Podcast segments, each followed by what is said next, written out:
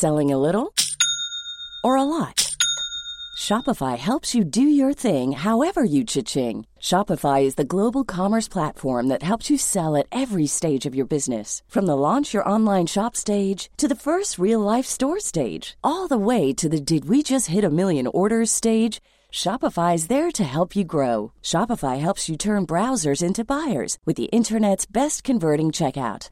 36% better on average compared to other leading commerce platforms because businesses that grow grow with Shopify. Get a $1 per month trial period at shopify.com/work. shopify.com/work. Hur ska vi få bukt med gängkriminaliteten? Är lösningen att släpa brottslingarna med fötterna före till något källarhål där de bara får leva på bröd och vatten resten av sina dagar? Eller handlar det egentligen om att förskolebarnen inte har tillräckligt många pedagoger som säger att de ritar jättefina bilar och bussar? Kommer Moderaterna fortsätta äga frågan om brott och straff? Eller kan alla dessa stenar som Magda vill vända på få väljarna att välja hennes väg?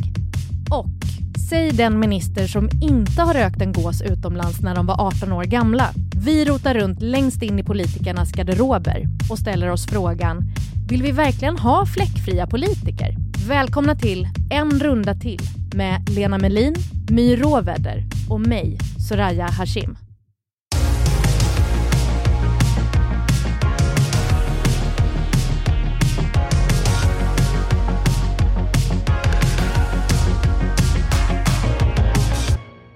Hallå, hallå Lena och My. Hallå på dig. Hej. Välkomna tillbaka. Tack. Jag ska säga att eh, Lena och jag, vi sitter i samma studio, men My, du är ute på vift. Ja, jag gör ett reportage från min hembygd från Österlen som kommer komma i en tidning vid något tillfälle under hösten. Hörni, det är mindre än ett år kvar till valet och i det här racet mot 11 september 2022 när vi ska till vallokalerna så har frågan om brottslighet, eller kanske särskilt gängkriminalitet, klättrat upp och blir den hetaste potatisen. Det är ständiga rubriker, det är människor som skjuts på öppen gata bland barn. Folk är livrädda och politikerna verkar tävla om att säga att de minsann är de som har lösningen. Vi ska lyssna lite på hur det låter. Vi ska slå hårt mot kriminaliteten. Jag är beredd att vända på varenda sten för att bryta segregationen och knäcka gängen. Jag kommer aldrig tillåta att våldet normaliseras i Sverige. Det handlar om att markera stenhårt. Straffen skärpas, nyrekryteringen bland unga hejdas, en ökad närvaro av betydligt fler poliser. Det måste utdömas straff. Politiken måste nu göra precis allt vi kan för att stoppa våldet. Jag blir så nyfiken. Hur ser det ut bland väljarna? Vilket av partierna har högst trovärdighet i frågan om brottslighet, eller lag och ordning som det kallas, Lena? Ja, nej, vi mäter ju det där regelbundet genom uh, vår samarbetspartner Demoskop och då är det ju för det första så att lag och ordning är den politiska frågan som flest tycker är viktigast just nu. Mm. Och uh, de flesta tycker då att uh, Moderaterna har den bästa politiken på området, men de är tätt följda av Sverigedemokraterna och inte så långt efter ligger Socialdemokraterna. De är ju tre i topp. Och, och vem har minst förtroende? Ja, det är, det är faktiskt Liberalerna och Miljöpartiet. Okej. Okay.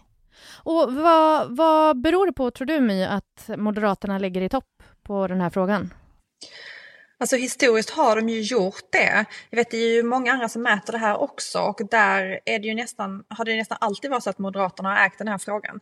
Nej men de har ju drivit det under många år. Men det som gör att man nu då, eh, att alla pratar om det, det är väl för att Moderaterna och Socialdemokraterna, de har ju hittat en konfliktlinje här. De har hittat en konflikt där man liksom kan utmana varandra eh, inför valet. Håller du med om det, Lena? Alltså de säger ungefär samma saker måste man ändå säga. Med, mm. eh, fast man måste nog säga att Socialdemokraterna betonar lite mer det här att man ska försöka eh, komma till rätta med orsaken till att folk blir kriminella också. De eh, det är inte så att Moderaterna låter bli att ta upp det, men de, de har inte lika stort fokus på det. Och i det här ljudklippet som du spelade upp, där tog ju Annie Lööf upp den frågan också, att man skulle hindra nyrekryteringen. Och det mm. handlar ju om sociala insatser på olika sätt. Men, men om vi går in på det då, alltså alla partier vill ju förstås satsa på olika sätt att krossa gängkriminaliteten, men, men hur skiljer sig deras lösningar åt? Alltså jag skulle säga att de inte skiljer sig jättemycket. Alltså det är ju hårdare straff och eh, längre fängelser. Det är ja, på något sätt beskära eh, människors möjlighet att vara ute i samhället och ägna sig åt kriminalitet. Men och där är ju enigheten ändå trots allt ganska stor. Det är som sagt där det finns en större oenighet eller ett ganska blandat intresse är ju hur man så att säga hejdar den här utvecklingen att, äh, att gängen har så himla lätt att rekrytera nya människor.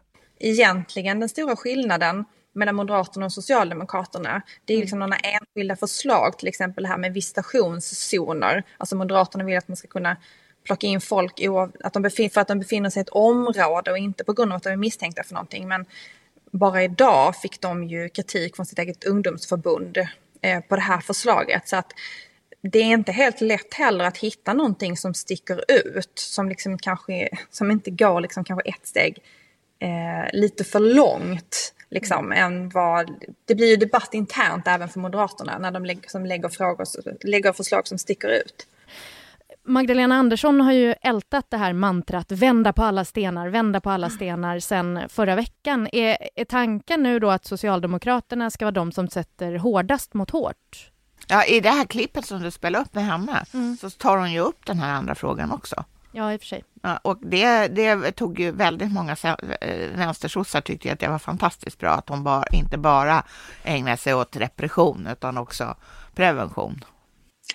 Det är ju lite oprövad mark ändå för Socialdemokraterna att ge sig in i den här debatten på, för det blir ju lite på Moderaternas, eh, eh, alltså det är Moderaternas territorie för att Socialdemokraterna, de har ju alltid förklarat det här med liksom utanförskap. De har ju alltid haft en, en liksom dimension av eh, utanförskap och klasskillnader och liksom ekonomiskt och socialt utanförskap som en anledning till att man hamnar i gängen. Mm. Där förklarar de olika. Moderaterna försöker ju verkligen nu dra in frågan om att det liksom invandringen är en stor del i att det har, att liksom på gängvåldet. Och jag tror att det handlar ju om att om man tittar liksom på de högst rankade frågorna, vilka som äger dem. Sjukvården då, Socialdemokraterna högst förtroende, Moderaterna har då lag och ordning och sen har vi Sverigedemokraterna som har liksom migration och integration. Och om man ser liksom att Moderaterna och Sverigedemokraterna närmar sig här så har de ju mer ammunition, om man får säga det i den här frågan, i, om de kan liksom samla både SD, väljare och liksom sina egna väljare kring det här. Och det är ju svårare för Socialdemokraterna eh, med sin förklaring att ta upp kampen. Mm. De har ju liksom ett mindre underlag för det, för den förklaringen. Men om man är en person som bor i ett utsatt område och känner den här otryggheten så antar jag att man nu ställer sig frågan varför går det inte fortare? Varför händer ingenting snabbare My? Nej men det är ju, det har ju till och med, det är den här brasklappen som politikerna själva har lagt in. Ulf Kristersson sa att det kommer att ta 20 år att vända det här och det tar ju lång tid. Men de är ju i stort sett helt överens. Det de är överens om är så här, satsningar på polisen. Och en konsekvens av att man har gjort det nu under några år det är ju att man också nu satsar på rättsväsendet. Eh, för att man ska liksom eh, täcka upp för de polisärenden som kommer in. Eh, och eh, att man ska ha skärpa straffen och det är ju verkligen det här 34-punktsprogrammet. Det är ju eh, verkligen en lista på många skärpta straff och om man lyssnar på Morgan Johansson är det ju typ det bästa han vet att prata om. Mm. Eh, jag tror att de till och med skrev så här att vi har skärpt straffen för över 60 olika brott. Alltså det här är ändå någonting som politiker går igång på. De skärper straffen för olika saker. Vi har liksom precis tagit oss igenom debatten kring liksom hur sätter man dit dem. Liksom, vilka åtgärder gör man för att göra det? Och sen får vi väl se då om det blir ett regeringsskifte eller om det blir den här regeringen som fortsätter efter nästa val. Eh, om fokuset kommer att skifta åt något håll. Liksom förebyggande eller rättsskärpta straff ännu mer. Okej, men nu, nu får du förlåta här om jag ställer den dummaste frågan du har hört i ditt liv, men alltså, jag fastnar på det här. Du får se. Ja. Eh, men jag fastnar på det här du säger med 20 år. Är tanken att människor som, som är livrädda för att liksom deras barn ska bli skjutna ska sitta och vänta i 20 år? Nej, men, men det handlar ju just om de här sociala frågorna, för det är de som tar lång alltså, Skärpa straffen och peta in folk i fängelse, det tar inte så himla lång tid. Eh, utan det som, som är långsiktigt och som, tar, som kanske tar ett par decennier, det är ju att få att, att, få, liksom, att de här hemska bostadsområdena försvinner i den skepnad som de nu finns. Att det i skolorna blir bättre, att, man, att äh, alla lär sig svenska ordentligt. Alltså den typen av åtgärder. Och eh, de, det är också olika insatser för ensamma mammor som kanske har lite svårt att hålla sina tonårskillar i, i, i skinnet och sådana där saker som ju har massor med olika enskildheter som var och en Eh, kanske inte är revolutionerande men som ändå har effekt på, på, på ett antal personer. Och, och de här olika lösningarna som ni nämner, bland annat då hårdare straff, det är ju inte alla som håller med om att hårdare straff är nödvändigtvis den rätta lösningen. Vad är det, vad är det de här olika partierna baserar sina lösningar på? Är det liksom forskning, ideologi eller lite publikfrieri? Ja, jag tror man kan betrakta det som en blandning av allt det där. Men hårdare straff eh, eh, kan ju också förklara, alltså motiveras med att ja, men då är de inlåsta, då kan de i alla fall inte ägna sig åt brottslighet just medan de sitter inne, även om de kanske gör det sen när de kommer ut. Det finns ett förslag i den här 34-punktsprogrammet som, som Moderaterna också har något liknande som jag tyckte var lite roligt om man får säga det om sådana här saker. Det är punkt 20 i 34-punktsprogrammet. Det är en, ny påföljd, ungdomsövervakning ska införas. Vad betyder och, det?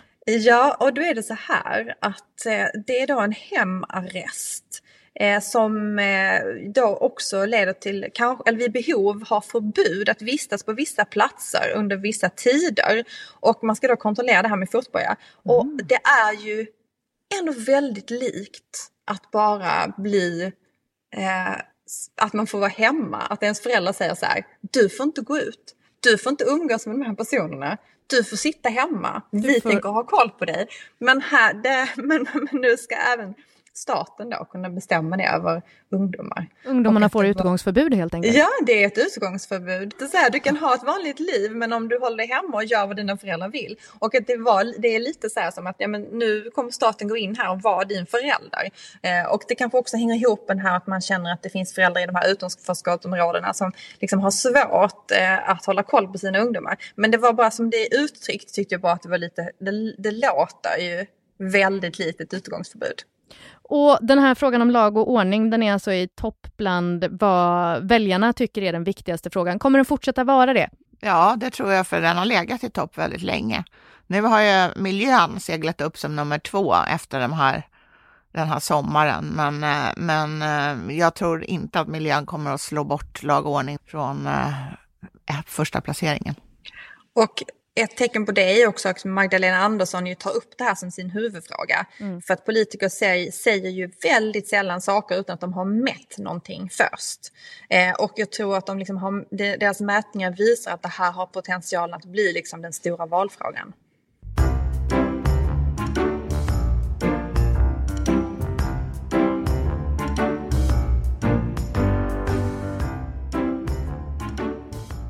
När Magdalena Andersson presenterades som valberedningens förslag till ny partiledare för Socialdemokraterna så dröjde det bara några få timmar innan hon fick den här frågan. Har du någonsin själv testat narkotika? Ja, när jag var yngre och bodde utomlands har jag provat eh, att röka marijuana. Den obligatoriska frågan som alla politiker på viktiga poster får har du testat narkotika? Och svaret som brukar bli ja visst, jag rökte gräs en gång när jag var ung. Utomlands. Lena och My, är det viktigt att politiker har högre moral än gemene man? Nej, men de, de måste ju eh, följa lagar och förordningar som, som, eh, som politiker på, på en eh, nivå ovanför den kommunala nämnder i alla fall. Därför det, man förutsätter ju att de som stiftar lagarna också följer dem. Mm. Nej men det är klart att man förväntar ju sig att de politiker ska ju vara förebilder och det är ju liksom som de ofta säger, så här, det är en förtroendebransch och allting som kan minska förtroendet för en politiker blir liksom ett problem när det är det som är själva grunden till deras uppdrag. Mm. Men någonstans, alltså så här, vill, behöver vi inte politiker som har levt lite och liksom inte bara suttit i Ung Vänster och tränat skrivstil hela sitt liv? Jo, de flesta har ju eh, eh, en bakgrund och då har de säkert gjort något illa. Det har alla människor gjort. Men jag tycker inte att det är så farligt om någon eh, rökte, vad var det nu var hon sa, cannabis ja. i, i, när hon var utomlands och var ung. Alltså det, är, det, är ju ingen, det blir närmast fånigt. Alltså om man skulle sitta och räkna upp alla sina ungdomssynder, då blev ju listan ganska lång skulle jag tro för de flesta. Men varför ställer vi frågan då? Ja, det kan man, det kan man ju verkligen fråga sig, för att jag tycker det är ganska ointressant. My, vad tror du? Är det bättre att en politiker är liksom en, en ren vit oskuld eller ska den ha lite skit under naglarna? Men jag tror att den här frågan, det är inte bara själva liksom innehållet i frågan och svaret, utan det handlar ju också, tänker jag, om att testa politiker om de talar sanning. Mm. Om de konfronteras med frågor som är ja, men kanske otrevliga eller obehagliga, lite skämmiga att svara på. Så här, vad gör de då? Mm. Ljuger de? Eller försöker smita undan? Eller svarar de rakt på frågan? Eh, så att jag tror att det innehåller liksom två nyanser ändå här i varför man ställer en fråga om just, liksom, har man knarkat på något sätt? Sen tror jag att det är väldigt svårt skulle ju bli otroligt överraskad om hon sa så här, ja, jag drog en lina kokain i ungdomen. Alltså det finns ju olika nivåer liksom också på eh, vad man kan svara på det där. Och vi har liksom kanske brutit lite ny mark då om att kunna säga så här, ja, jag rökte gräs vid något tillfälle i min ungdom. Men jag menar längre än så, liksom hårdare narkotika, där är vi ju inte, det, det kan man ju liksom inte svara på en sån här fråga. Nej, men, men genom åren så har vi fått höra en ganska varierad flora av synder som har begåtts av politiker. Här är några. Jag har kört för fort. Det var brottsligt. Det var i och för sig länge sedan. Ja. Och så hade jag eh, för ganska länge sedan också svart städhjälp ett tag. Jag har en väldigt tung högerfot. Men jag, jag har kört för fort. En okay. gång har jag snattat. Jag har deltagit med israelisk och palestinsk fredsrörelse i protester mot murbyggen i Palestina och hamnat i israeliskt fängelse. Fridolin har suttit i israeliskt fängelse. Varför blev inte det en större grej? Jag tror att där var, det var väl något slags civilt motstånd han ägnade sig åt där och tyckte det var oerhört hedervärt. Okej, okay, så det låg i linje med vad han ja. tycker, liksom. han gjorde något han trodde på? Ja. Precis, det förstärker ju ännu mer bilden av honom då som någon slags ungdomligt passionerad aktivist, politiker, mm. än någonting annat. För, för jag tänker vissa får ju ryka direkt för sina synder som eh, om ni minns Maria Borelius som bara hann sitta åtta dagar som handelsminister i Reinfeldts regering innan det kom fram att hon hade anlitat svart städhjälp och barnvakt. Och det är ju samma synd, alltså det här med svart städhjälp som eh, Ulf Kristersson erkände i det här klippet vi lyssnar på, fast då är det under skratt och skoj. Varför var det allvarligare när hon gjorde det? Alltså dels tror jag att det var på sättet hon gjorde det på. Hon hade någon stuga på tomten där i Danderyd och där fick den här svarta städhjälpen bo. Mm. Som ungefär som en liten, egen liten koja. Eh, och sen så var det också så att två andra eh, ministrar hade precis fått lämna regeringen eh, under de här första turbulenta tio dagarna för regeringen Reinfeldt. Så att eh, fördragsamheten var väldigt låg kan man nog säga. Okej, okay. så hennes sätt var lite smutsigare på något sätt än Ulf Kristerssons. Vad säger du, My? Alltså det här fiffla med skatter, det är ju ändå en av de liksom större synderna man kan göra i Sverige när man, när man är politiker. Mm. För att de lever ju just av skatter, alltså det är ju det som betalar deras löner. Så det är kanske inte så konstigt att man eh, ryker eller man blir ifrågasatt när man gör det. Eh, men alltså jag vet inte, som jag minns det så beskrevs det ju att hon liksom inte pallade trycket. Hon var ju ganska ny. Alltså hon kom ju liksom utifrån, hon var ju liksom i politiken men hon kom ju ändå utifrån och hamnade på en, liksom en ministerroll eh, där hon liksom, det blåste supermycket direkt och, och, att man beskrev som att hon liksom inte pallade det. Det handlade ju också om att hon inte betalat tv-licensen. Så det var, fanns ju flera olika saker som liksom visade på att hon inte följde liksom, gängse regler. Som politiker måste du vara beredd på att någon liksom gräver igenom din papperskorg och kollar igenom alla dina gamla detaljer. Alltså det beror ju på vad man är för sorts politiker, men uh, jag skulle vilja säga att en nytillträdd regering, mm. där synas, synar ju media ministrarna i, i sömmarna och se vad, vad har, har de några lik i lasten eller inte. Men sen, det- kan- sen kan det finnas, jag menar det kan ju vara olika saker som eh, just i den här eh, regeringen, Reinfeldts första regering så var det en annan, kulturministern hade inte heller betalat tv-licensen och det var ju också att, precis som för Fridolin, det var ju ett statement från hennes sida, alltså hon tyckte att det var fel med public service som var eh, finansierad med den här radio och tv-avgiften. Men då kunde man liksom inte vara kulturminister. Men samtidigt då, om, om det är så att man eh, som minister blir synad så noggrant, varför har inte det här med Magdalena Anderssons cannabisrökning kommit fram tidigare? Hon har ju varit finansminister i sju och ett halvt år. Men det kanske det har. Vem fan kommer ihåg vad alla har rökt? Jag skulle gissa att den inte heller har varit särskilt omfattande. Nej. Eller Okej. definierande för just vem Magdalena Andersson är. Men sen har vi också sånt som har att göra med att någon har kontroversiella åsikter. Jag tänker Moderaternas Elisabeth Svantesson var ju engagerad i abortmotståndarna Ja till livet. Hur har det påverkat hennes karriär? Ja, det är inte hittills så negativt. Varför? Hon har ju lyckats på något vis säga att det här tillhör det förgångna och låtit bli att diskutera saken i så, så mycket det överhuvudtaget har varit möjligt. Så har liksom runnit av henne på ett sätt som det inte skulle kunna ha gjort om folk eh, uppträdde på ett annat sätt än vad hon har gjort. Det har vi ju bevis på. Alltså för att, alltså Elisabeth Svantesson hon fick ju fråga om det här under väldigt lång tid. Hon bara stod ut med det och lät det liksom rinna av. Men det finns ju eh, andra exempel som Elasa Adaktusson till exempel inför EU-valet 2019 när det visade sig att han då hade röstat eh, vad ska man säga, abortkritiskt i Europaparlamentet. Eh, och att han var liksom inte helt det var, liksom, fanns en tvetydighet i det när han svarade på frågor kring detta. Och abortfrågan den är ju en helig fråga i Sverige. Alltså det finns ju en djup politisk enhet om att man ska ha fria aborter. Eh, och han rök ju på det. Det blev liksom en belastning för partiet.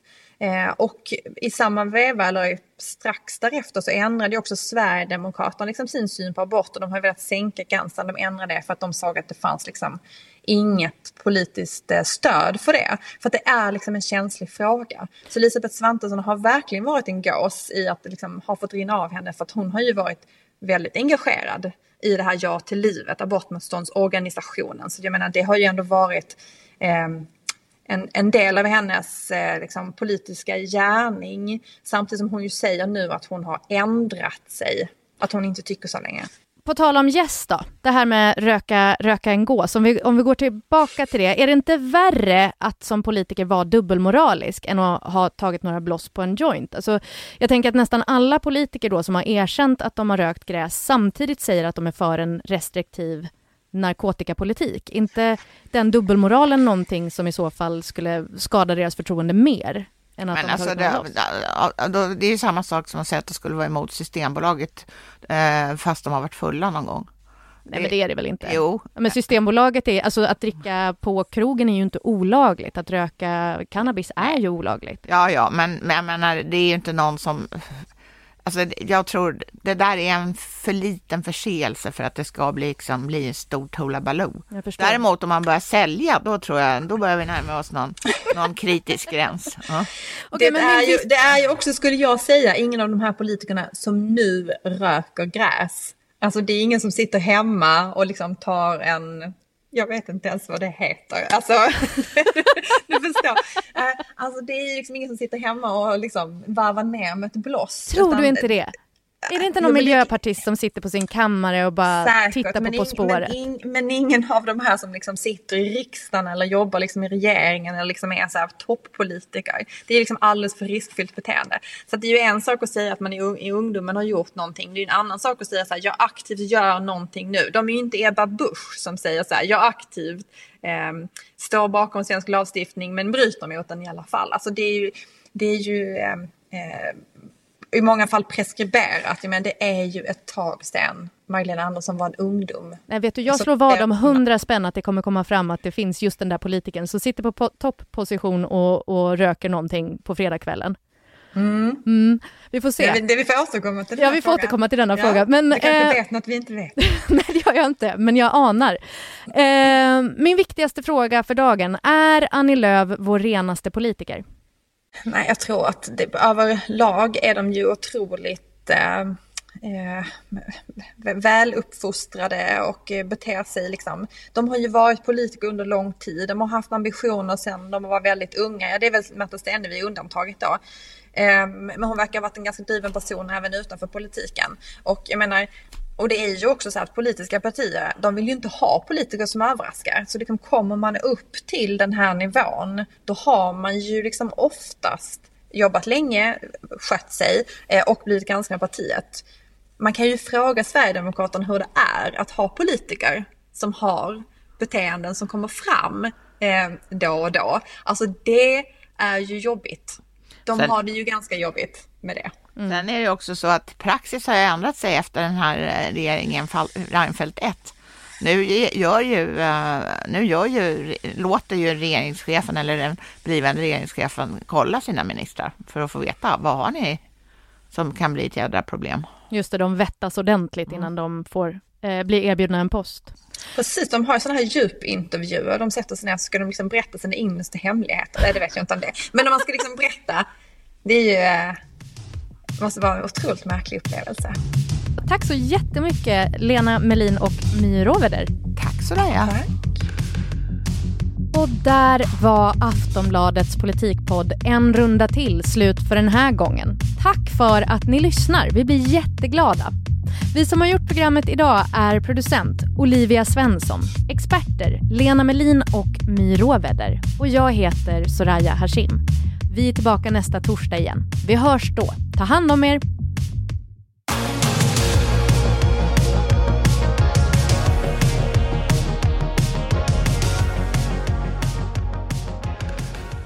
Du har lyssnat på en podcast från Aftonbladet.